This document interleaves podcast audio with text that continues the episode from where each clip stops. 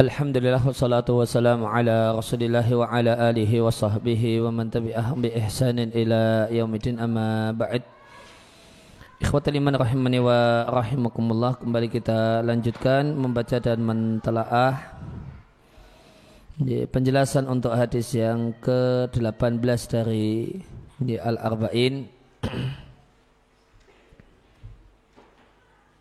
Fi mabanil Islam wa qawaidil ahkam karya Abu Zakaria Yahya ibn Syarab An-Nawawi Ad-Dimashqi Asy-Syafi'i rahimallahu rahmatan wasi'ah. Qala syarih hafizahullahu taala wa qawluhu wa qawluhu huna tamhuha wa adbi sayyatal hasanata tamhuha. Zahiruhu maka zahir perkataan Nabi dan yang dimaksud dengan zahir adalah kemungkinan makna yang paling dekat Bahasanya amal kebajikan itulah yang menghapus amal kebajikan.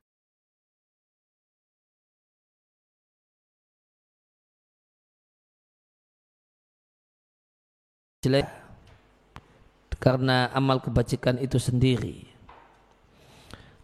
Walakin akan tetapi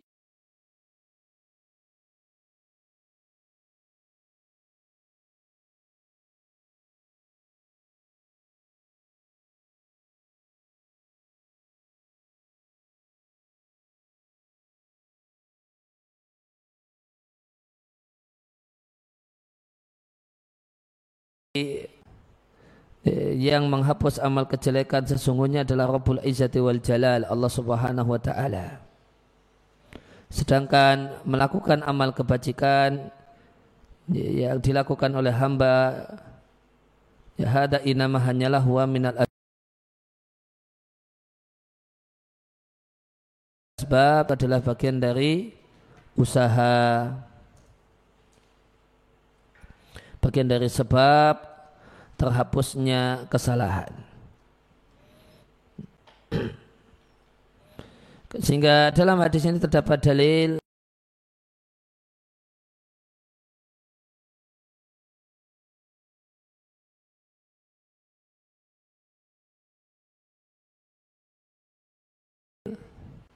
yang menguatkan pendapat mayoritas para ulama bahasanya sebab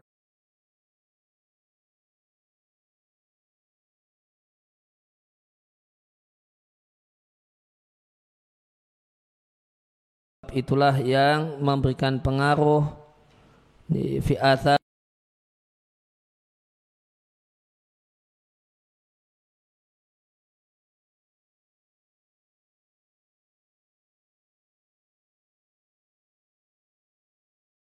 ini akidah asyariyah yang menilai bahasanya sebab itu tidak memberikan efek pada musabab.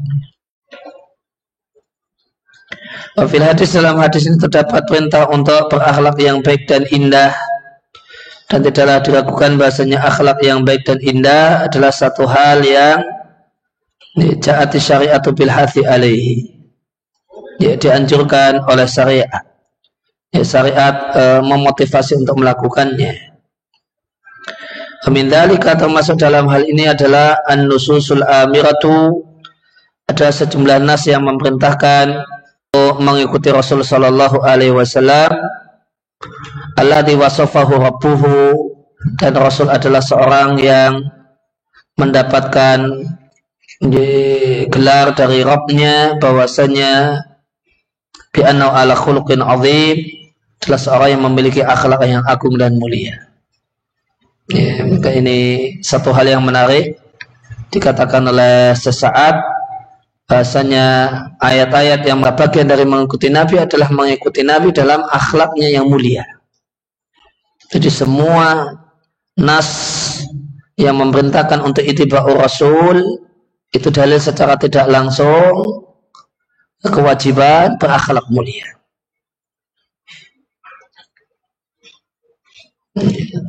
Nah, maka mungkin boleh jadi umumnya kita kalau membaca nas tentang itiba rasul ya. Yang masuk dalam benak adalah ibadah berakidah dengan akidah Nabi beribadah sebagaimana ibadahnya Nabi.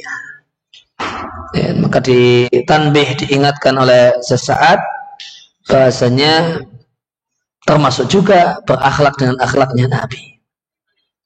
Dan akhlaknya Nabi adalah akhlak yang mulia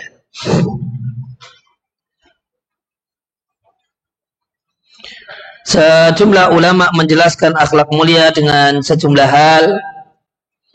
Di, di antaranya adalah tarku adhiyatil akharin, tidak mengganggu dan menyakiti orang lain.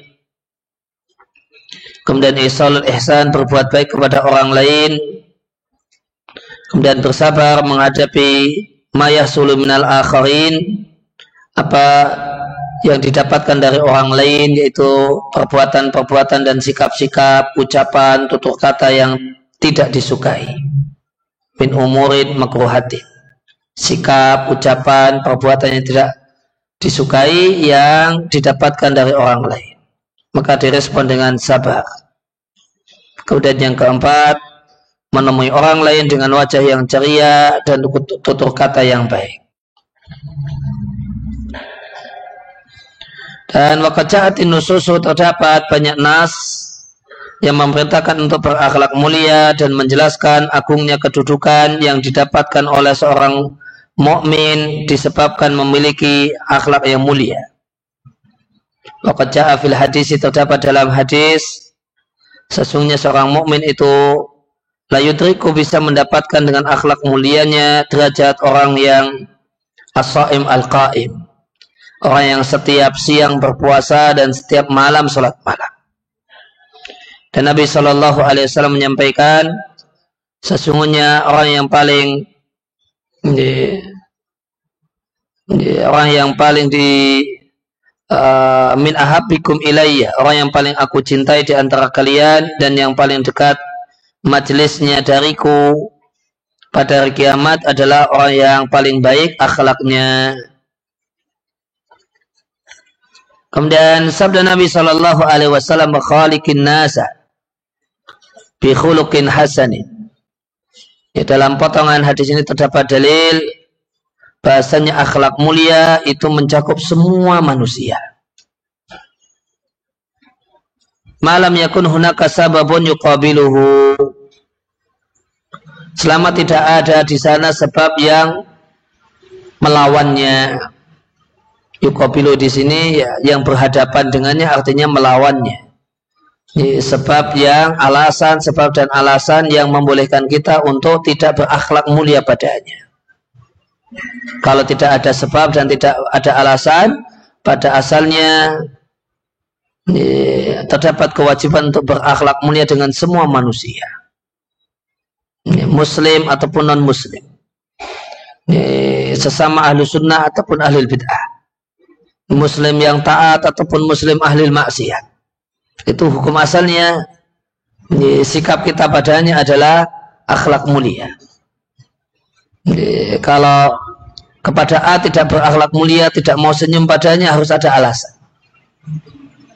Ada ada alasan kenapa kita tidak memberikan senyum manis padanya. Wa illa Fa'inal asla fi hadal lafzi karena hukum asal dengan redaksi semacam ini annas di sini adalah umumuhu general mencakup semua jenis manusia.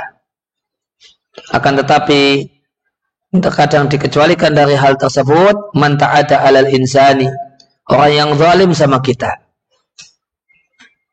Maka boleh membalas kezalimannya dengan semisal perbuatannya. Berarti tidak berakhlak mulia dengannya. Hmm. wa illa namun uh, memaafkan wasafu dan memaafkan itu lebih baik. Al-afu jika digandeng dengan asafu maka al-afu itu maaf lahiriah. Sedangkan asafu itu maaf batiniah. Maaf lahir dan maaf batin. Kalau maaf batin berarti ya orang tersebut dianggap seperti tidak pernah ya, menyakiti kita sama sekali.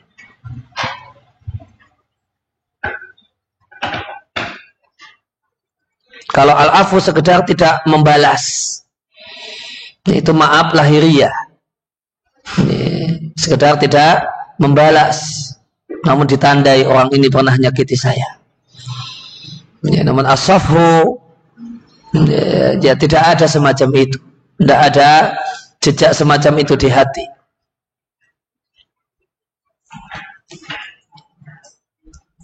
Bihulukin hasanin maka dalam potongan hadis itu terdapat dalil bahasanya semua akhlak meskipun itu sedikit maka dia akan terhitung dalam timbangan Allah yang adil. Wa aidan demikian juga dalam sabda Nabi wa khaliqin nasa bi khuluqin hasanin. Nadkuru kita jadi ingat bahasanya Allah Azza wa Jalla. Allah Azza wa Jalla memotivasi hamba-hambanya untuk berakhlak dengan semua manusia dengan akhlak yang baik dan berinteraksi dengan mereka bi afdalil a'mali dengan perbuatan yang terbaik. Meskipun mereka manusia itu menyakiti menyakiti kita. Fa inna syariat maka syariat mendorong untuk berbuat baik kepada orang yang bersikap buruk kepada kita sebagaimana firman Allah taala wala tastawil hasanat wala sayi'ah perbuatan baik tidaklah sama dan setara dengan perbuatan yang jelek. Idfa billati ya ahsan. Dibalaslah perbuatan buruk dengan berbuat baik kepadanya. Faidal ladzi bainaka wa bainahu adawatun ka'annahu waliyun hamim. Maka dengan demikian faida maka tiba-tiba idanya ida fujaiyah ida yang artinya tiba-tiba maka tiba-tiba orang yang antara engkau dengannya ada permusuhan seakan-akan waliun hamim kawan kawan yang dekat. Dan Allah Subhanahu wa taala berfirman tentang surga mereka adalah orang-orang yang berinfak fisara'i wa dalam keadaan uh, senang dan susah wal qadiminal ghaidha dan orang yang menahan marah bahkan al ghaid itu marah besar. Bukan sekedar marah biasa. Wal afina anin nas dan memaafkan orang lain. Allah yuhibbul muhsinin. Dan eh, dan Allah itu mencintai orang-orang yang berbuat baik. Ini semua akhlak mulia. Di akhlak mulia dengan harta berinfak. Membantu orang dengan harta di antara akhlak mulia adalah menan amarah sehingga tidak uh, membalas ini, perilaku buruknya.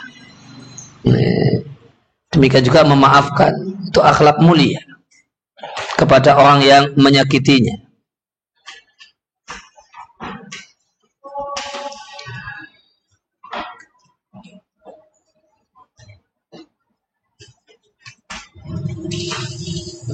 Kemudian dalam hadis ini terdapat dalil kebaikan Allah Azza wa Jalla kepada para hamba. Karena nikmat karena nikmat Allah kepada para hamba itu banyak sekali. Seandainya diserahkan kepada mereka kewajiban untuk mensyukuri semua nikmat-nikmat ini tentu mereka tidak akan mampu mensyukuri nikmat-nikmat Allah Azza wa Jalla.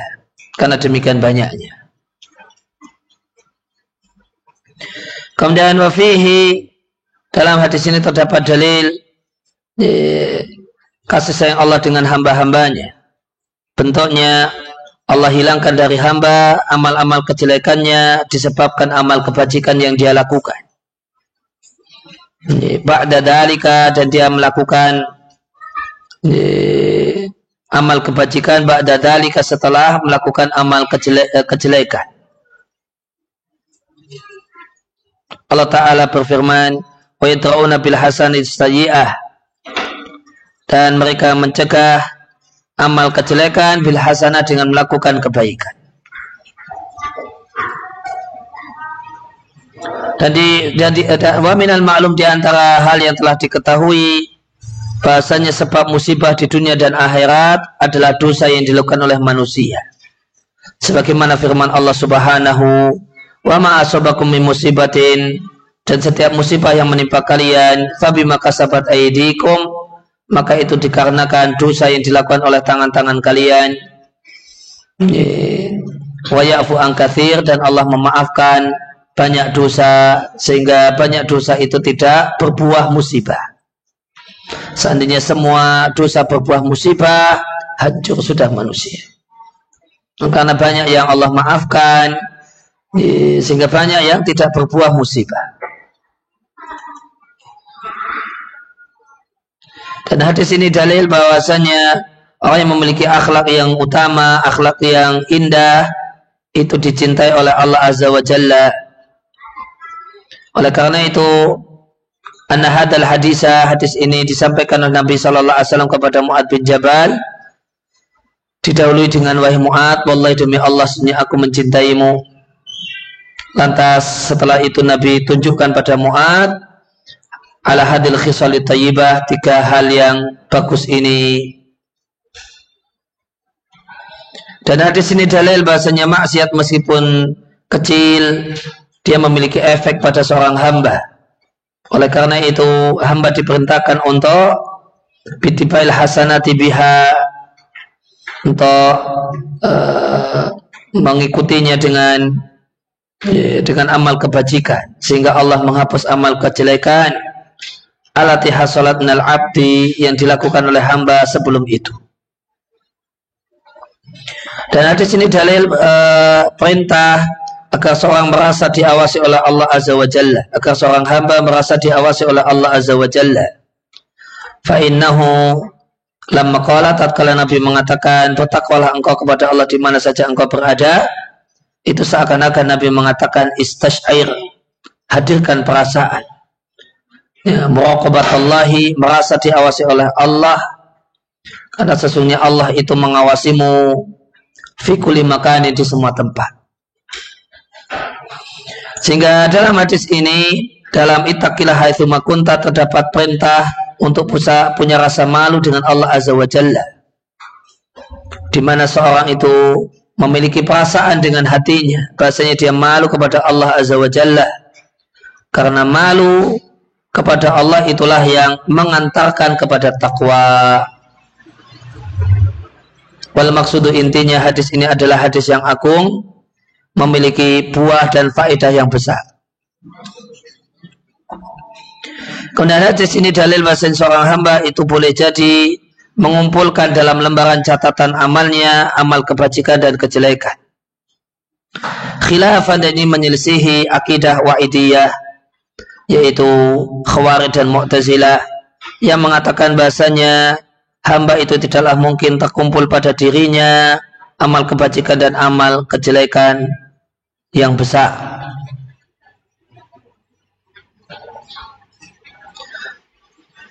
Sehingga mereka mengkafirkan pelaku dosa dan maksiat yang besar itu pelaku dosa besar. Hmm. Ya, karena mereka berarti uh, wa'idiyah ini lebih fokus pada khawarij. Karena ada kalimat wa yukafiruna. Mengkafirkan pelaku dosa besar. Ya, maka khawarij demikian juga sebenarnya Mu'tazilah mereka ya, punya akidah dan keyakinan tidak mungkin terkumpul pada diri seseorang kebaikan di antaranya adalah iman dengan kesalahan dan dosa yang besar. Hmm, itu tidak mungkin. Eh, sehingga mereka katakan bahasa dengan kesalahan yang besar hilanglah amal kebajikannya dan imannya. Kemudian setelah amal setelah amal kebajikannya hilang, maka kata Khawarij mereka ini jadi kafir. Kata Mu'tazilah mereka ini tidak mukmin tidak kafir di dunia. Dan ini juga menyelisihi murjiah yang mereka mengatakan la yadur mal imani dhanbun. Jika seorang itu punya iman, maka dosa apa pun itu tidak membahayakannya. Karena dosa tidak mengurangi imannya.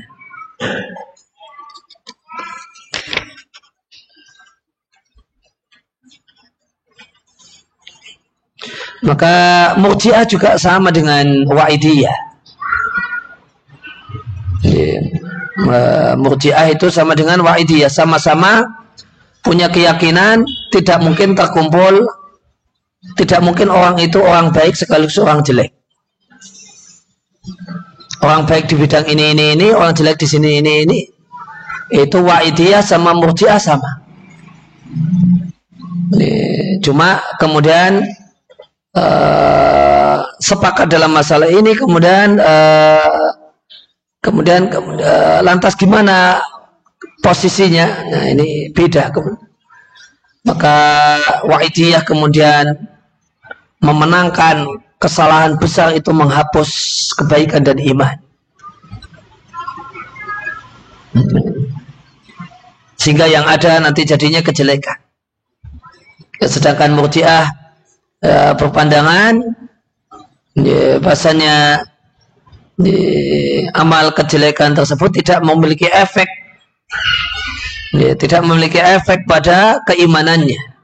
Tidak mengurangi kadar imannya sehingga seakan-akan ini tidak ada. Dan yang ada hanya iman.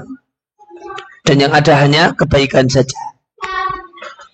Ya, lain hanya dengan ahlu sunnah. Ahlu sunnah berkeyakinan bahasanya boleh jadi ada orang itu ada orang-orang yang terkumpul pada dirinya kebaikan dan kejelekan. Meskipun kejelekan kejelekan yang besar. Itu dosa besar.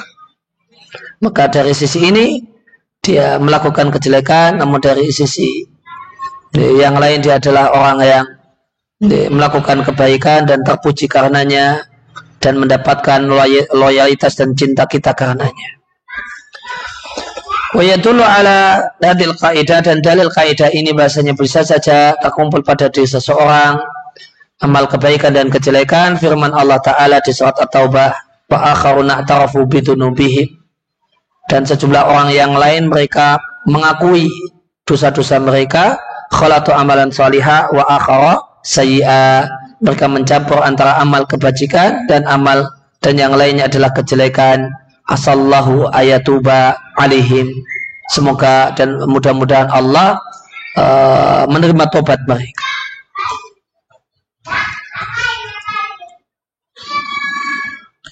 Kemudian wastudillah bil hadisi. Hadis ini jadikan dalil bahasanya hukuman had itu bisa menghapus dosa yang dilakukan oleh seorang hamba. Berarti dilaksanakannya hukuman had setelah melakukan kesalahan itu adalah bagian dari amal kebajikan. Amal kebajikan yang mengiringi amal kejelekan. Maka di antara amal kebajikan eh, yang mengiringi amal kejelekan dan menghapus amal kejelekan adalah amal kebajikan berupa ikumatul hudud. Ditegakkannya dan dilaksanakannya hukuman had.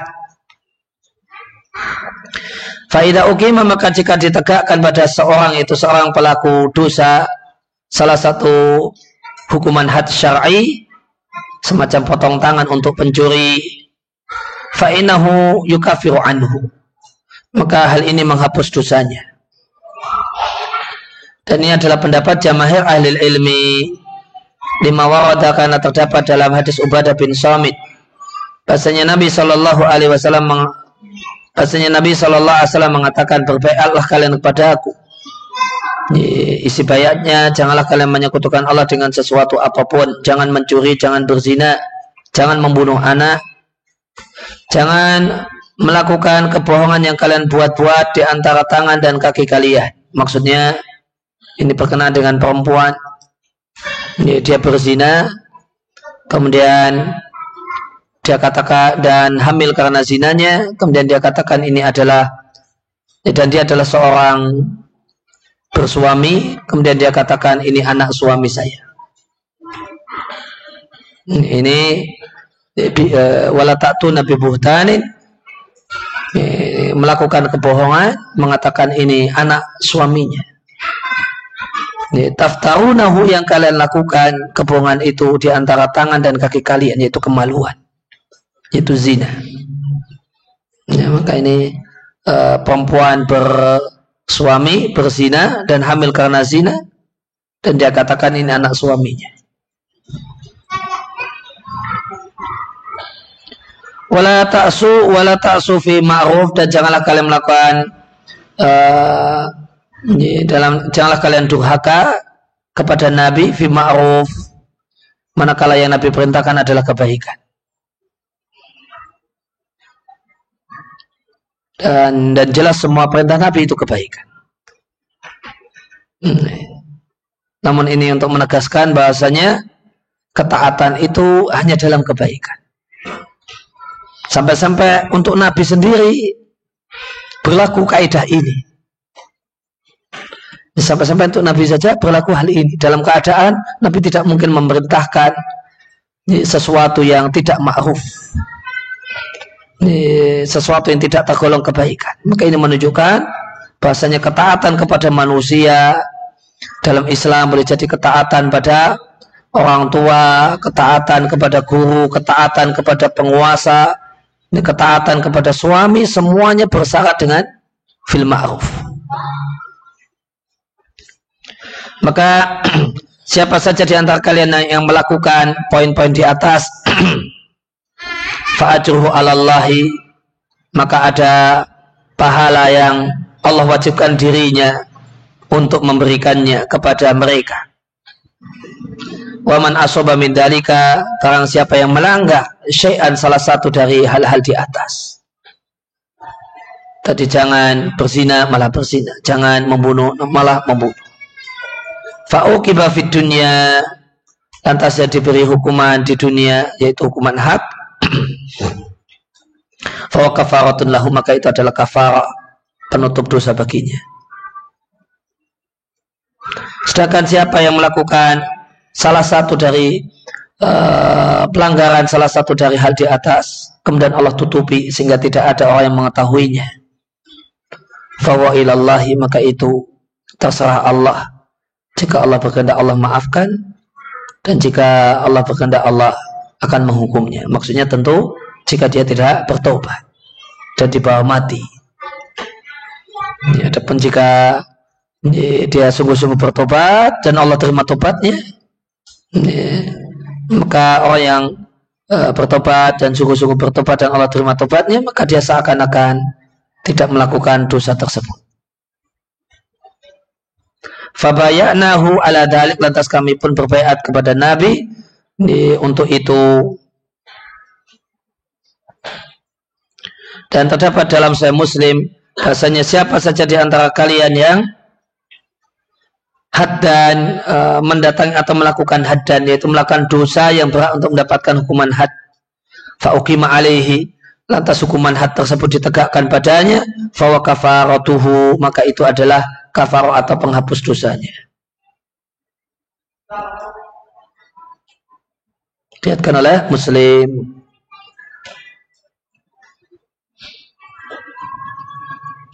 Dan kalau kita lihat uh, kalau kita lihat redaksi hadisnya maka ikomatul hak ikomatul hudud itu penghapus dosa tanpa ada syarat tobat dari pelakunya. Zahir hadisnya demikian. Karena waman asoba min dalika syai'an fa uqiba fid dunya fa wa kafaratuhu. Maka jika uh, orang yang melanggar poin-poin di atas, mencuri dan seterusnya, dan dia uh, diberi hukuman had, dan sebelum hukuman had itu diberikan padanya dia sudah bertobat maka jelas uh, hukuman had ini menghapus dosanya. Namun bagaimanakah kalau dia belum bertobat? Ini. kemudian dia mendapatkan hukuman had ini apakah hukuman had itu menghapus dosanya? Ini satu hal yang diperselisihkan ulama. Dan zahir hadis menunjukkan iya itu menghapus dosanya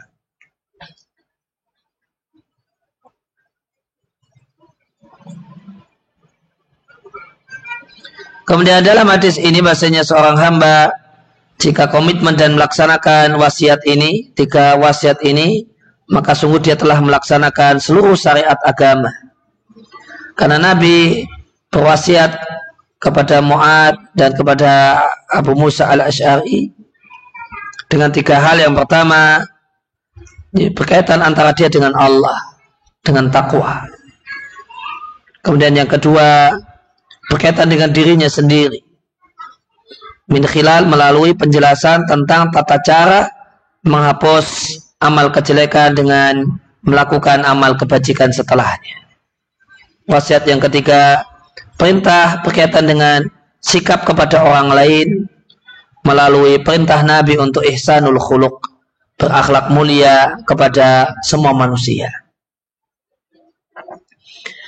Maka fi isi hadis ini, maka di sini dalil bahasa Nabi Shallallahu Alaihi Wasallam adalah seorang manusia yang diberi jawab kalim. Kalimat-kalimat yang ringkas, syarat makna. Maka Nabi ber, berbicara dengan kalimat-kalimat yang sedikit, namun mengandung pesan yang banyak, mengandung aksam macam-macam yang beraneka ragam dan bentuk-bentuk yang berbeda-beda. Maka dalam hadis ini terdapat dalil bahasanya annahu bagi sepatutnya bagi seorang pemberi nasihat seorang pemberi nasihat, pemberi wasiat hendaknya perkataannya adalah jami lengkap, memuat banyak hukum dengan kosakata yang pendek, yang ringkas.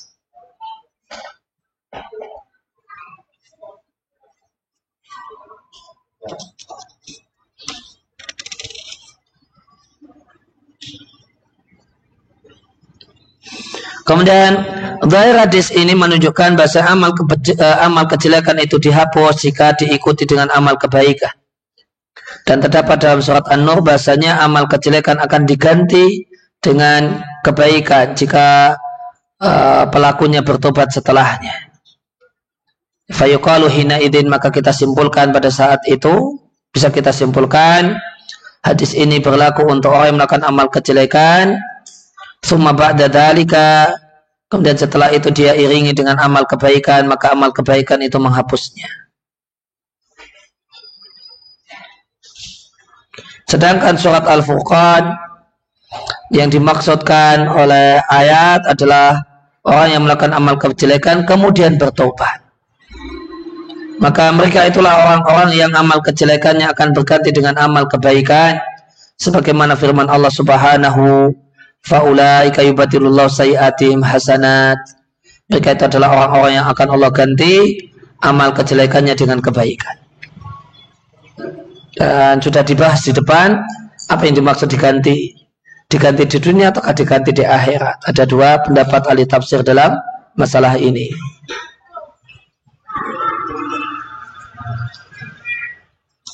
Dan di antara pembahasan atau permasalahan yang menjadi kandungan hadis adalah dosa kecil apakah wajib bertobat dari dosa kecil seperti dosa wajib bertobat dari dosa besar ataukah tidak? Pendapat pertama mengatakan tidak wajib bertobat dari dosa kecil karena dosa kecil itu mungkin untuk dihapus dengan menjauhi dosa besar. Dan mungkin dijauh eh, terhapus dengan melakukan amal kebajikan setelah melakukan amal setelah melakukan dosa kecil sebagaimana firman Allah taala in kaba'iramatun hauna anhu. Jika kalian menjauhi dosa-dosa besar dosa yang besar-besar yang dilarang untuk kalian lakukan nukafir angkum sayiatikum. Kami akan hapus amal-amal jelek eh, dosa-dosa kecil kalian. Sayiat di sini maknanya dosa kecil. Dan akan kami masukkan kalian ke dalam surga Sedangkan mayoritas para ulama mengatakan tobat itu wajib baik dari dosa besar uh, wajib wajib bertobat dari dosa kecil. Mereka berdalil hal ini dengan firman Allah Ta'ala Katakanlah kepada orang-orang yang beriman Laki-laki untuk menundukkan sebagian pandangannya dan menjaga kemaluannya itulah yang lebih suci lebih mulia bagi mereka sehingga Allah maha mengetahui apa yang mereka lakukan. Katakanlah kepada wanita-wanita yang beriman supaya menundukkan sebagian pandangannya dan menjaga kemaluannya dan janganlah dia nampakkan ya, perhiasannya yaitu perhiasan emas, perak, kalung dan sebagainya yang ada di badannya kecuali apa yang nampak dan dalam mereka julukan khimarnya kerudungnya menutupi kerah bajunya. Dan dan janganlah perempuan itu wanita muslimah menampakkan zinatahunna daya tarik fisiknya kecuali kepada suami atau ayah atau ayah suami bapak mertua atau anak atau anak suami anak tiri atau saudara laki-laki atau anak saudara laki-laki itu keponakan atau anak saudara perempuan atau sesama perempuan atau budak yang mereka miliki atau orang-orang yang mengikuti mereka dan dia bukanlah orang yang punya laki-laki yang punya syahwat atau anak kecil yang belum tahu awat perempuan. Janganlah kemudian memukulkan kaki ke bumi supaya diketahui perhiasan kaki yang mereka sembunyikan Kemudian Allah tutup wa tubu ilallahi jami'an bertobatlah kalian semuanya ya ayuhal mu'minin orang-orang yang beriman supaya kalian beruntung. Maka Allah perintahkan untuk bertobat setelah menyebutkan dosa kecil dan dosa besar. Ya, maka ini menunjukkan bahwasanya wajib bertobat dari dosa kecil sebagaimana wajib bertobat dari dosa besar.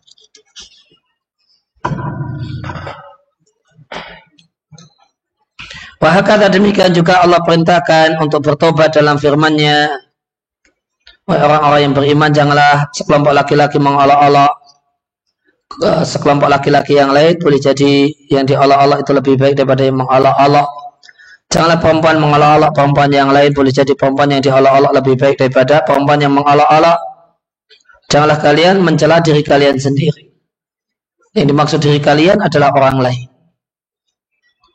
Yang dimaksud dengan diri kalian adalah orang lain. Walatal mizu angfusakum itu uh, itu makna atau terjemah bebasnya. Janganlah kalian cela orang lain.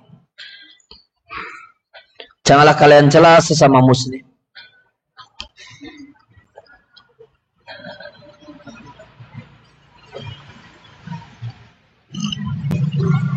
Kenapa orang lain disebut dengan uh, diri sendiri dalam ayat ini? Ini karena dua alasan. Yang pertama, sesama muslim itu satu tubuh. Sehingga orang lain itu sama dengan diri sendiri. Kemudian yang kedua, siapa yang mencela orang lain, itu umumnya orang lain tersebut akan balas. Nah, akhirnya e, membalas dengan juga mencela mencelanya. Sehingga orang yang mencela orang lain itu pada hakikatnya dia mencela dirinya sendiri. Karena orang lain akan membalas mencela dirinya. Maka dia menjadi sebab dirinya dicela. Dan siapa yang menjadi sebab dirinya dicela maka eh, maka dia sama saja mencela dirinya. Wala tanabazu bil alqab. Dan janganlah kalian saling memberikan gelaran-gelaran yang jelek ya, boleh jadi gelar cepong, kadrun dan yang lainnya. Ini termasuk wala tanabazu bil alqa. Bi'salismul fusuku ba'dal iman, sejelek-jelek nama dan gelar ini adalah nama kefasikan setelah beriman. Sehingga seorang itu menjadi muslim fasik. Wa malam yatub dan siapa saja yang tidak bertobat, faulaika humudz zalimun maka hanyalah mereka orang yang betul-betul zalim. Kemudian hadis yang ke-19 qala musannif rahimallahu taala dari Abu Abbas Abdullah bin Abbas radhiyallahu anhuma beliau mengatakan aku di belakang Rasulullah sallallahu alaihi wasallam faqala lantas Nabi mengatakan ya hulamu na ini walimuka kalimatin kan ku ajarkan padamu beberapa kalimat. Ya hulamu itu ya, terjemah bahasa Indonesia-nya pendek. Nak gitu aja. Karena tidak ada dan dalam bahasa Indonesia wahai anak kecil nggak ada. Wahai bocah tidak ada itu. Jadi kalau terjemah Jawa ya le gitu aja. Kalau terjemah bahasa Indonesia nak ini wali muka kalimatin. Akan kuajarkan padamu beberapa kalimat. Jagalah Allah itu jagalah aturan-aturan Allah niscaya Allah akan menjagamu. Jagalah Allah niscaya engkau akan jumpai Allah ada di hadapanmu. Jika engkau minta-mintalah kepada Allah dan jika engkau berharap pertolongan maka berharap pertolongan kepada Allah. Ketahuilah bahasanya umat manusia. Seandainya semuanya sepakat untuk memberikan manfaat kepadamu dengan satu hal mereka tidak bisa memberikan manfaat kepadamu kecuali dengan satu hal yang telah Allah takdirkan laka sebagai kebaikan untukmu. Seandainya mereka bersepakat untuk menimpakan satu bahaya padamu, maka mereka tidaklah bisa menimpakan bahaya kepadamu kecuali satu hal yang telah Allah takdirkan alaika akan menjadi musibah bagimu. Rufi'atil aqlam ya, pena telah diangkat wa jafatis suhuf dan lembaran-lembaran itu kering. Diatkanlah At-Tirmidzi, Tirmidzi mengatakan hadis hasan sahih. Dalam riwayat non Tirmidzi, jagalah Allah niscaya engkau akan jumpai Allah ada di hadapanmu. Ta'araf ilallahi, perkenalkanlah dirimu kepada Allah ketika engkau dalam keadaan senang. Niscaya dia Allah akan mengenalimu ketika engkau susah dan ketahuilah bahasanya apa yang meleset darimu tidak akan menimpamu. Dan semua yang eh, Allah takdirkan untuk menimpamu tidak akan meleset darimu. Ketahuilah dan yakinlah bahasanya kemenangan itu bersama kesabaran. Wa anal faraja ma'al karbi dan bahasanya farad farad itu kabar gembira setelah susah. Itu ma'al karbi bersama kesusahan dan sesungguhnya bersama kesulitan itu terdapat kemudahan. Dan yang dimaksud dengan bersama adalah ba'da. Yang dimaksud dengan ma'a adalah ba'da. Namun ba'da disebut dengan ma'a untuk menunjukkan dekatnya. Karena sedemikian dekat, maka disebut dengan bersama, seakan-akan bersama.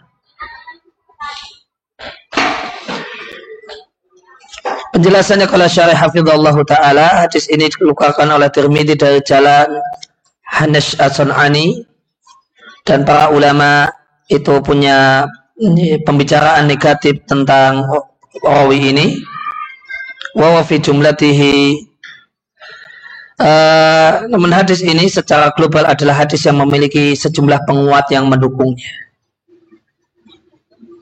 Di antara kandungan hadis ini disyariatkannya seorang itu antusias untuk dekat dengan orang yang berilmu supaya seorang itu bisa mendapatkan faedah dari ilmu yang mereka miliki. Karena ulama adalah para pewaris eh, para, para, pewaris para nabi. Oleh karena itu maka para sahabat Rasulullah Sallallahu Alaihi Wasallam antusias untuk bisa dekat dengan Nabi supaya mereka bisa mendapatkan faedah ilmu yang Nabi miliki. Oleh karena itu Ibnu Abbas mengatakan, aku di belakang Nabi Shallallahu Alaihi Wasallam di satu hari. Dalam hadis ini terdapat dalil bahasanya berdirinya seseorang di belakang orang lain bukanlah satu hal yang tercela secara budaya. Walau harajat dan tidak mengapa bagi seorang untuk berdiri di belakang orang lain. Dan dimungkinkan bahasanya yang dimaksudkan oleh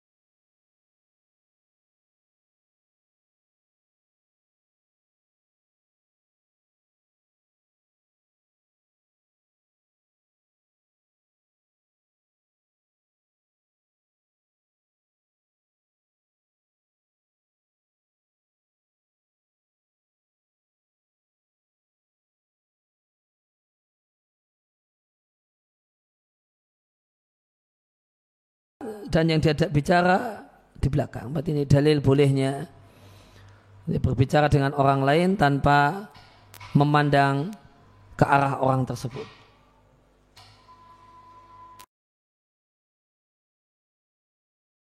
Dan zahir hadis ini Nabi tidak menoleh ke arah Ibnu Abbas. Karena seandainya Nabi menoleh ke arah Ibnu Abbas tentu akan disebutkan dalam hadis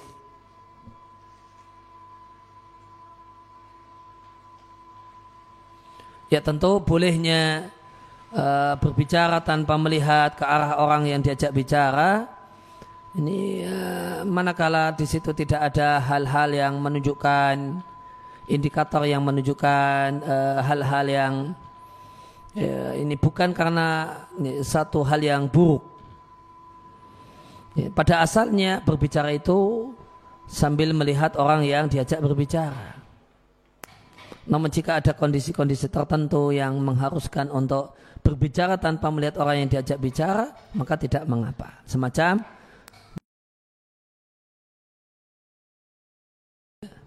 berbicara dengan orang di belakangnya, ya, maka tentu tanpa, tanpa menoleh. Kalau noleh nanti nabrak nanti. Nah, ini, bagaimana di sini Nabi naik hewan tunggangannya dan berbicara dengan uh, Ibnu Abbas yang ada di belakang. Atau mungkin boleh jadi misalnya uh, karena berbicara dengan lawan jenis, maka berbicara tanpa uh, menghadap ke arah orang yang diajak bicara. Adapun uh, di, uh, dan ini adalah khilaful asli. Khilaful asli hukum asalnya ini tentu kita wajib berakhlak mulia dengan orang yang kita ajak bicara di antara bentuk akhlak mulia adalah ini ketika berbicara dengan orang lain adalah menghadap ke arah orang tersebut.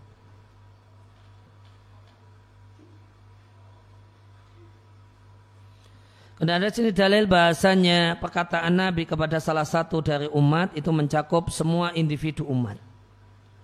Ibnu Abbas diajak bicara oleh Nabi SAW dengan wasiat ini. Kemudian Ibnu Abbas e, menukil dan meriwayatkan wasiat ini. Dan para ulama pun berturut-turut atau silih berganti menukil wasiat ini dan menyebarluaskannya. Uh, wanashri hawa idaatiha dan mempopulerkannya. Wamadaka dan tidaklah para ulama melakukan hal tersebut kecuali karena semua umat, semua individu umat bisa mengambil faedah dari wasiat ini. Dan semua umat itu tercakup dalam hukum wasiat ini.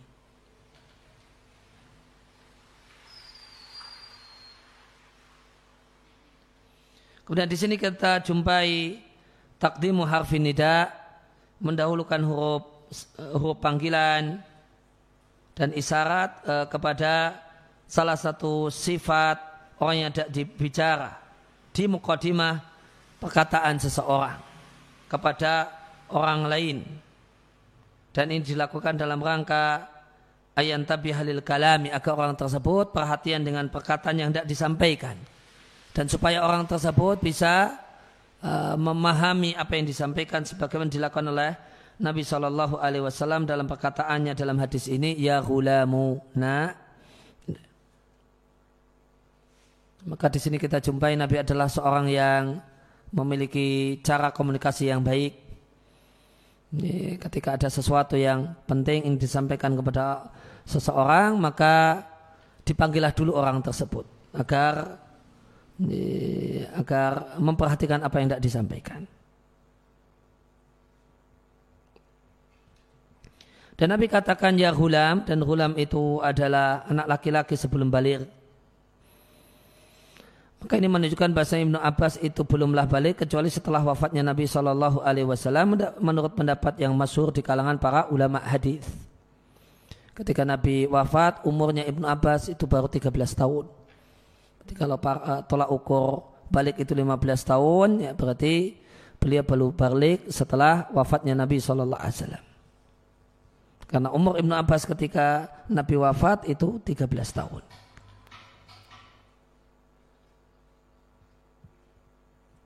Kemudian di hadis ini terdapat penekanan kalimat dan wasiat karena Nabi mengatakan ini wa'alimuka. Aku akan ajarkan kepadamu.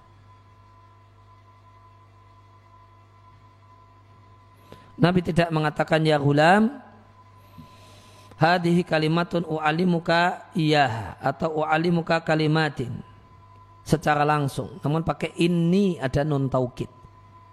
Karena inna adalah salah satu adat taukid. U'alimuka yang dimaksud dengan u'alimuka artinya akan aku berikan padamu ilmu. Mimma yakunu minal umuri al yakiniyah dan ilmu yang disampaikan adalah hal-hal yang bersifat yakini. muka itu kan dari kata-kata ilmun. Ilmun dalam bahasa Arab makna makna asalnya adalah sesuatu yang yakin. Biasa, namun tahu dengan yakin. Sehingga muka ya, di, diartikan dengan akan aku berikan kepadamu sejumlah uh, informasi yang informasi ini adalah minal umuril yakiniyah. Hal-hal yang seharusnya diyakini oleh seseorang. Kalimat yang dimaksud dengan kalimat di sini adalah kumpulan jumlah mufidah, jumal. Ya, maka kalimah dalam uh, dalam bahasa Arab berbeda dengan kalimah dalam nahwu. Lianna kalimat karena kalimah dalam bahasa Arab itu terkadang digunakan dalam pengertian ya, jumlah kamilatan. Ini kalimat sempurna.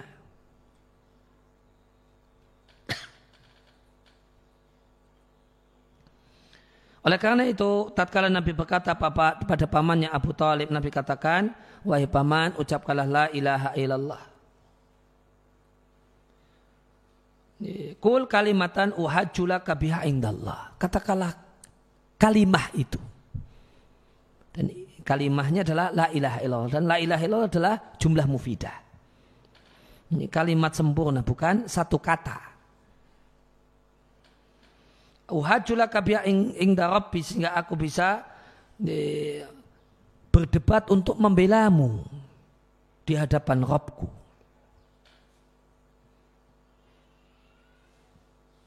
Demikian juga Allah Allah Azza wa Jalla menyebutkan keadaan sebagian orang bahwasanya mereka mengatakan pada hari kiamat qala rabbirji'uni ya Allah kembalikan aku di dunia.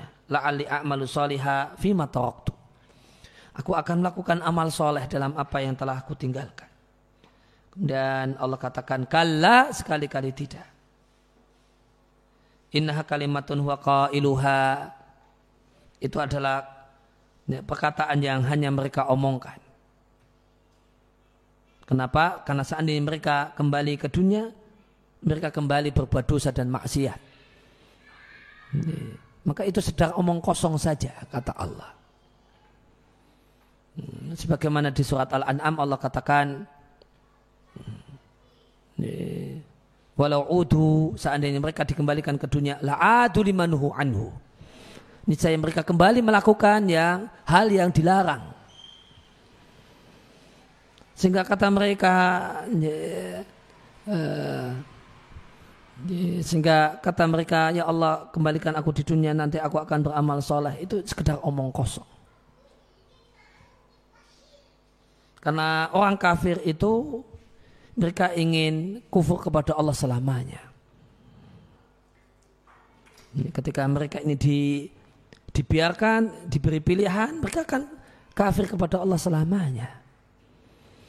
Jika Allah katakan lau udu seandainya mereka dikembalikan ke dunia lah adu. Misalnya mereka kembali limanuhu anhu. Melakukan apa yang dilarang.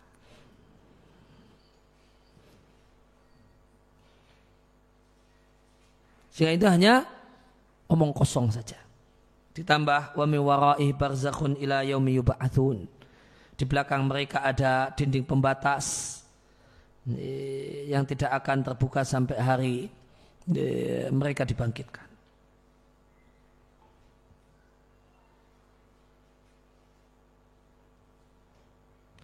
Eh, menurut pendapat yang masuk dari pendapat atau perkataan dari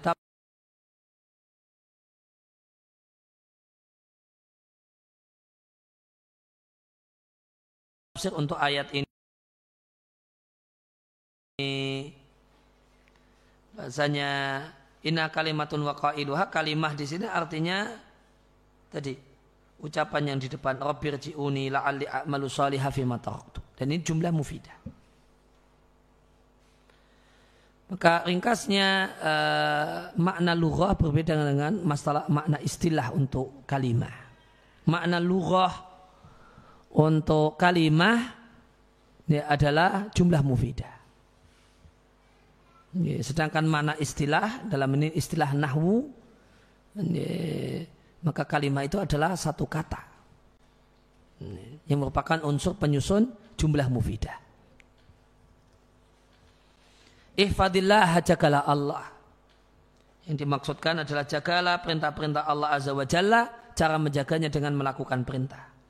Jagalah larangan-larangan Allah, cara menjaganya, takdir yang me menyakitkan, baik itu berkenaan dengan perkara akhirat ataupun perkara duniawi. Adapun berkenaan dengan perkara akhirat, maka Allah akan menjagamu dengan Allah akan jauhkan dirimu dari asyubuhat dan syahwat.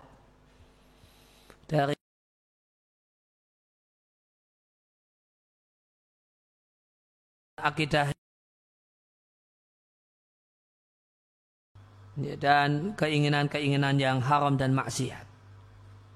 Allah jauhkan dari seorang dari hamba yang hamba tersebut. Wahakada aidan demikian juga Allah akan menjaga dengan menyelamatkan hamba itu dari api neraka. Ini penjagaan akhirat. Sedangkan penjagaan Allah terhadap seorang hamba berkenaan dengan perkara dunia adalah Allah akan jaga badan orang tersebut dari berbagai macam penyakit. Allah akan jaga hartanya dari berbagai macam hal yang merusak harta. Allah akan jaga anak keturunannya dan kerabatnya dan perkara-perkara dunia yang lainnya. Maka ini menunjukkan bahasanya takwa itu memiliki manfaat duniawi eh, di samping manfaat ukhrawi.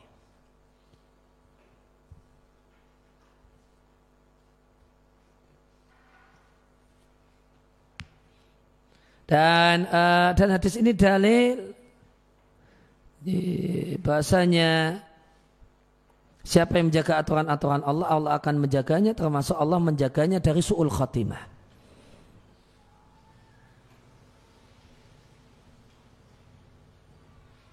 Sehingga hadis ini termasuk yang dipertimbangkan untuk memahami uh, hadis yang di depan. Ini tentang ada seorang yang beramal dengan amal kebajikan. Atala yakunu bainahu wa bainaha beramal dengan amal penduduk surga yaitu amal kebajikan sehingga tidak ada antara dia dengan surga kecuali satu dirak saja. Lalu ternyata Faisbiku alih kitab takdir mendahulunya. Kemudian dia beramal dengan amal penduduk neraka dan kemudian dia masuk neraka. Ini, maka ya, hadis ini ifadilah yahfadka ya, termasuk uh, dalil yang harus dipertimbangkan karena kesannya ada kontradiktif dengan hadis itu. Kesan kontradiktif dengan hadis tersebut. Karena berarti orang yang beramal dengan amal penduduk surga tadi ternyata kok ya, tidak Allah jaga.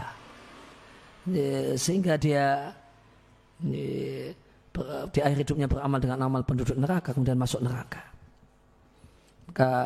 Kemudian di, di depan telah dibahas beberapa kompromi untuk hadis-hadis semacam ini ada yang memberikan kompromi dengan di antara komprominya adalah uh, itu fima yarahun nasu beramal dengan amal penduduk surga itu dalam pandangan manusia namun tidak hakikat senyatanya. Ini amal penduduk surga itu adalah karena ria, karena mencari pamrih manusia. Adapun orang yang beramal dengan ikhlas, orang yang senantiasa mengoreksi niatnya, memperbaiki niatnya, maka yang berlaku adalah hadis ini ifadillah yahfadka. Siapa yang menjaga Allah dengan penuh keikhlasan, dengan niat yang benar, Allah akan menjaganya. Di antaranya adalah Allah akan menjaga akhir hidupnya. Sehingga dia tidak tutup akhir kehidupannya dengan akhir kehidupan yang buruk.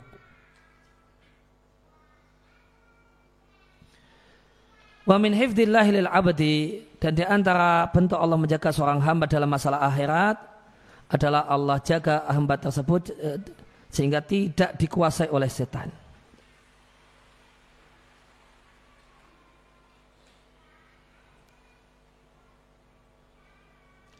Tidak dikuasai oleh setan ini berarti bisa maknanya tidaklah larut dalam godaan setan.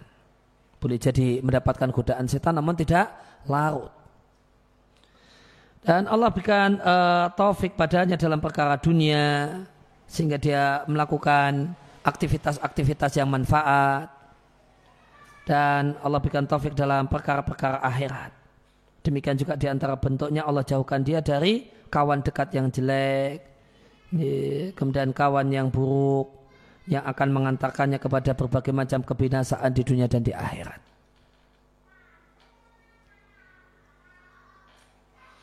Kemudian redak atau kata-kata yang sama itu terkadang digunakan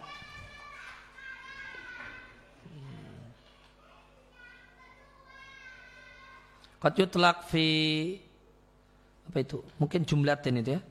Qad yutlaq fi jumlatin wahidatin maratain. Kata-kata yang sama itu bisa digunakan dalam dalam satu kalimat uh, dua kali. Contohnya di sini ifadillah yahfadka ifadillah tajidhu tujahaka. Maka ifadillah diulang dua kali. Dan yang dimaksudkan dengannya adalah makna yang berlainan. Nah, apa itu bedanya? Maka jagalah Allah di kalimat yang pertama. Maksudnya adalah jagalah perintah, larangan dan berita. Oh, atau uh, yang dimaksudkan di sini bukan ifadilah yahfadka. Sama-sama menjaga, sama-sama ada kosakata menjaga, jagalah Allah, kemudian Allah menjagamu. Maka jaga yang pertama yaitu fa'ilnya adalah manusia, maka maknanya adalah menjaga perintah, menjaga larangan dan menjaga berita. Yahfadkan niscaya Allah akan menjagamu, menjaga dan fa'ilnya subjeknya adalah Allah. Maknanya adalah sedangkan penjagaan yang kedua yahfadka yang dimaksudkan adalah Allah jaga dari musibah.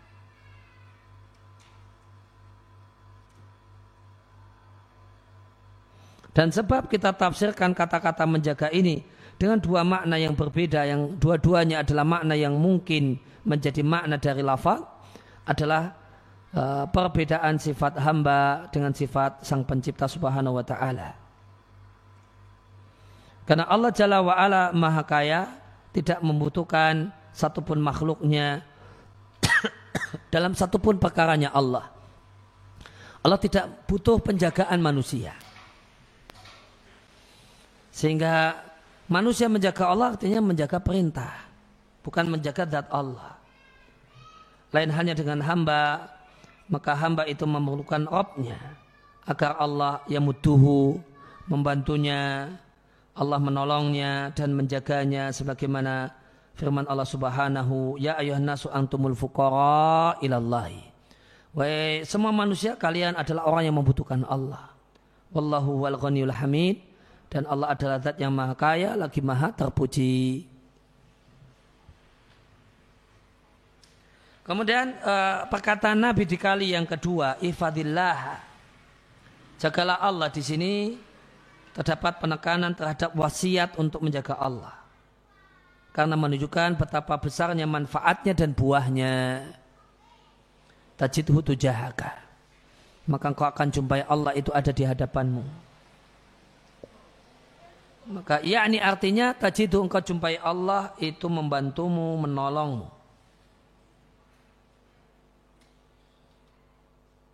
Wahada yufasiruhu dan ini dijelaskan dengan apa yang terdapat dalam lafaz yang lain tajidhu amamaka. Allah jumpai, engkau akan jumpai Allah di hadapanmu, yaitu dengan penolongan, dengan pertolongannya, dengan penguatannya dan bantuannya. Nah, kata-kata Allah ada di hadapanmu ini tidak bertentangan dengan sifat yang Allah tetapkan untuk dirinya bahasanya Allah itu ada di atas hamba dan di atas seluruh makhluknya dan wa annahu dan bahasanya zat Allah itu di atas ars sebagaimana terdapat banyak nas dalam hal ini.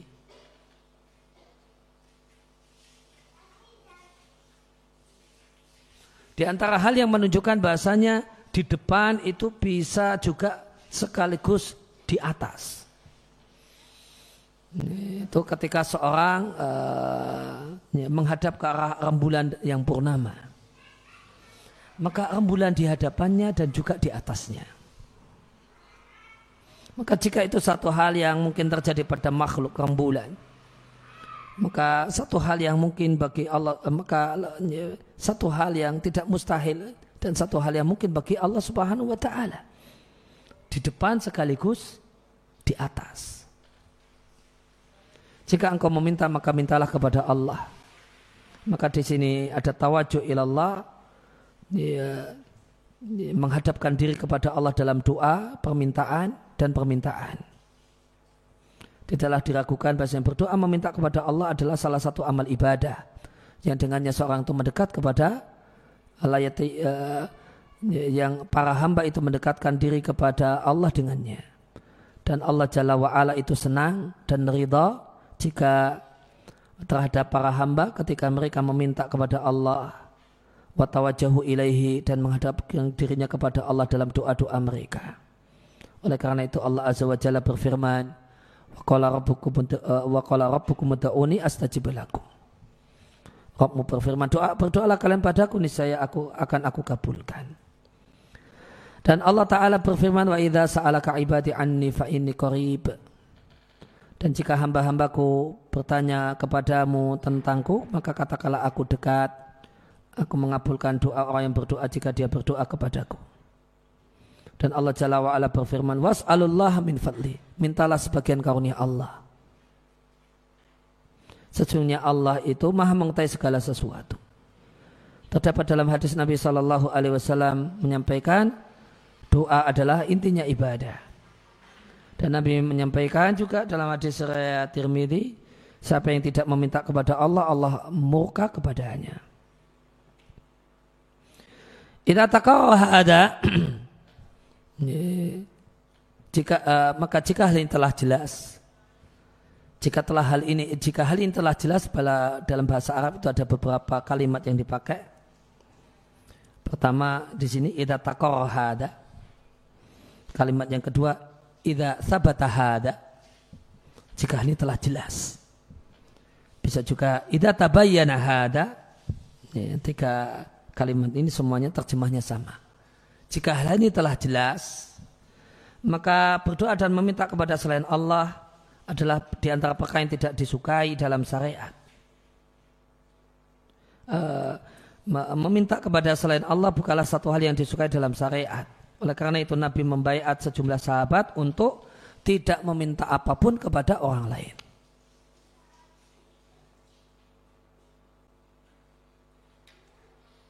Dan Allah Jalla wa'ala telah menjanjikan kepada orang yang meminta kepadanya Allah akan Allah akan ijabai di permintaan mereka. Sebagaimana dalam hadis qudsi tentang seperti keutamaan seperti malam yang terakhir siapa yang berdoa kepadaku saya akan aku jawab doanya. Siapa yang minta akan aku beri siapa yang minta ampunan akan aku ampuni. Dalam hadis yang lain Nabi Shallallahu Alaihi Wasallam menyampaikan bahasa Allah Taala berfirman mandalladhi da'ani siapakah orang yang berdoa kepadaku lantas tidak aku ijabai doanya? Dan siapa ya dan orang yang meminta padaku dan tidak aku beri permintaannya? Jawabannya tidak ada. Wadhalika dan hal tersebut karena azimat al-umur karena tali kekang segala perkara itu di tangan Allah Jalla wa'ala manfaat dan bahaya di tangan Allah Jalla wa'ala sebagaimana firman Allah Ta'ala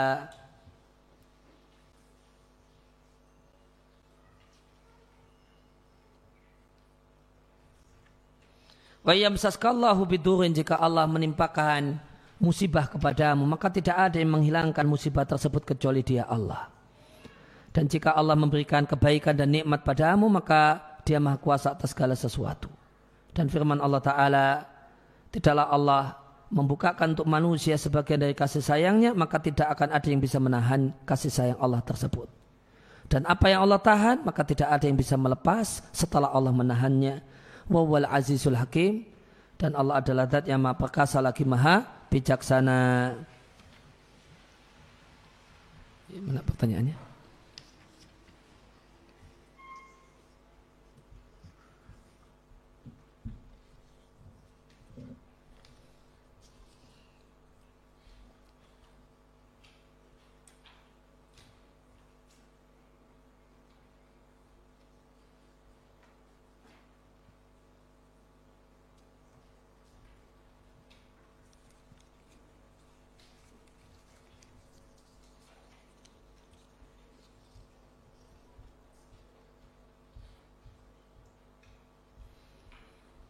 Pada halaman 109 saya masih bingung kenapa uh, seorang ayah yang membunuh anaknya tidak diberi hukum kisos. Itu pengecualian.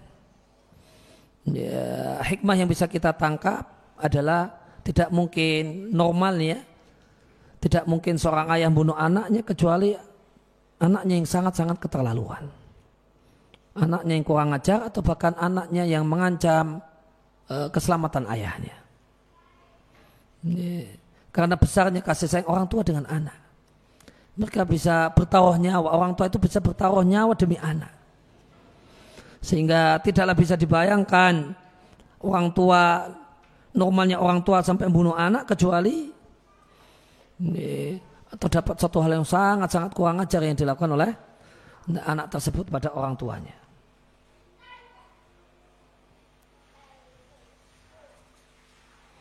Terkait makanan yang halal.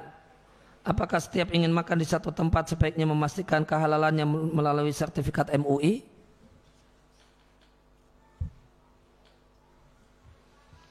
Uh, untuk kemudian uh, uh, bisnis yang serius, bisnis besar, maka boleh saja seorang punya seorang muslim di tempat kita punya pertimbangan.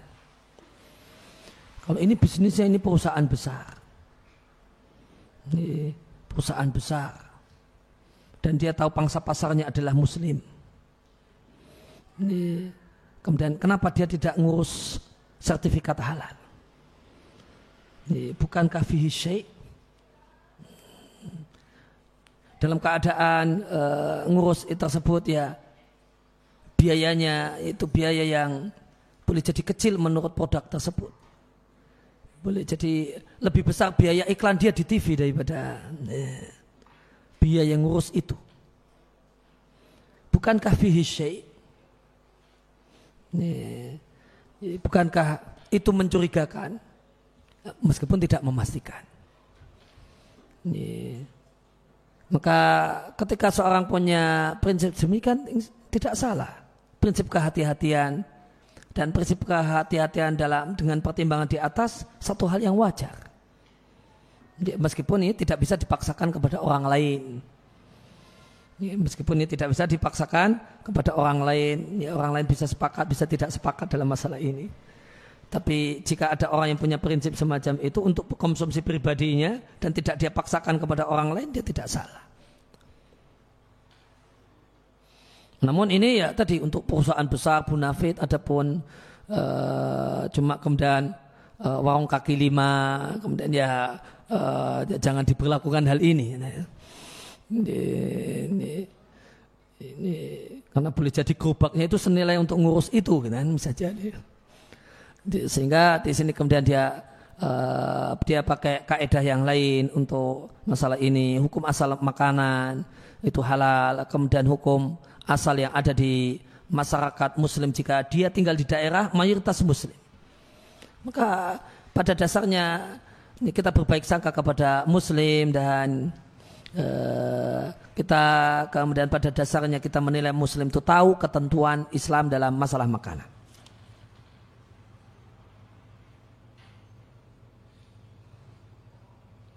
Sampai mana batasan memberi udur kepada teman muslim sebab terkadang ada rasa ingin meninggalkannya karena takut terwarnai olehnya.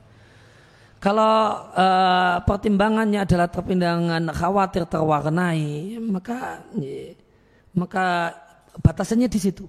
Siapa yang merasa takut, khawatir terwarnai oleh seorang uh, oleh oleh seorang muslim ya oleh seorang muslim tertentu maka dia bisa kemudian jaga jarak darinya cukup dengan alasan khawatir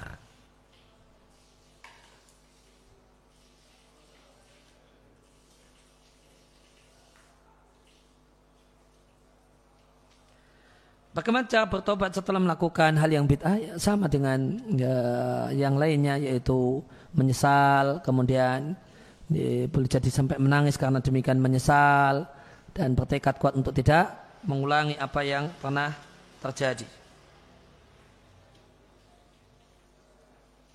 Apakah boleh menceritakan kisah tobat di masa lalu dengan menyebutkan perbuatan haram masa lalu di khayalak ramai? Hukum asalnya tidak boleh.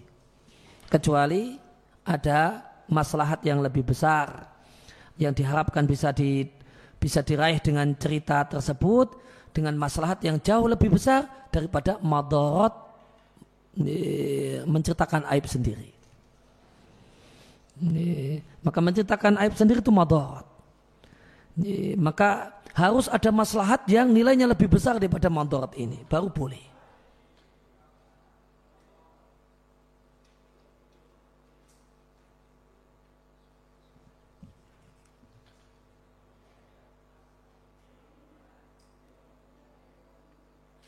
Apa hukum seorang anak yang makan makanan dan menerima uang dari penghasilan orang tuanya yang terdapat riba di dalamnya? Anak tersebut juga belum mandi, eh, memiliki penghasilan sendiri. Maka perlu di terdapat riba atau itu riba. Terdapat riba itu artinya unsur berarti harta tersebut campuran. Kalau harta tersebut ada campuran, harta itu campuran dan ya, campuran haramnya sedikit maka tidak masalah. Dan tidak diketahui mana ya, namun campur tidak, tidak diketahui. Maka secara umum tidak masalah. Tapi kalau campurannya banyak ya, atau kemudian seluruhnya dari sumber yang haram maka banyak ulama atau kemudian sejumlah ulama mengharamkannya Meskipun pendapat ini sangat berat kalau dipraktekkan di zaman ini. Ini sangat berat dan banyak orang tidak mampu kalau dipraktekkan di zaman ini. Sehingga kalau seandainya campurannya campuran yang banyak, maka eh,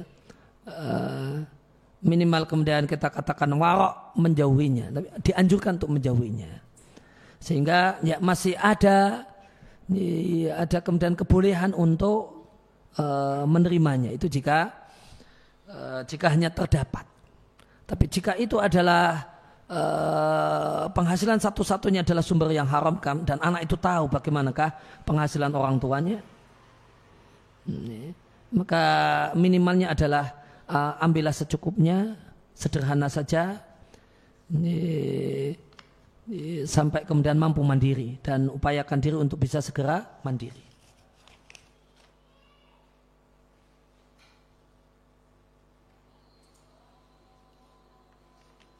Ya, sudah hampir.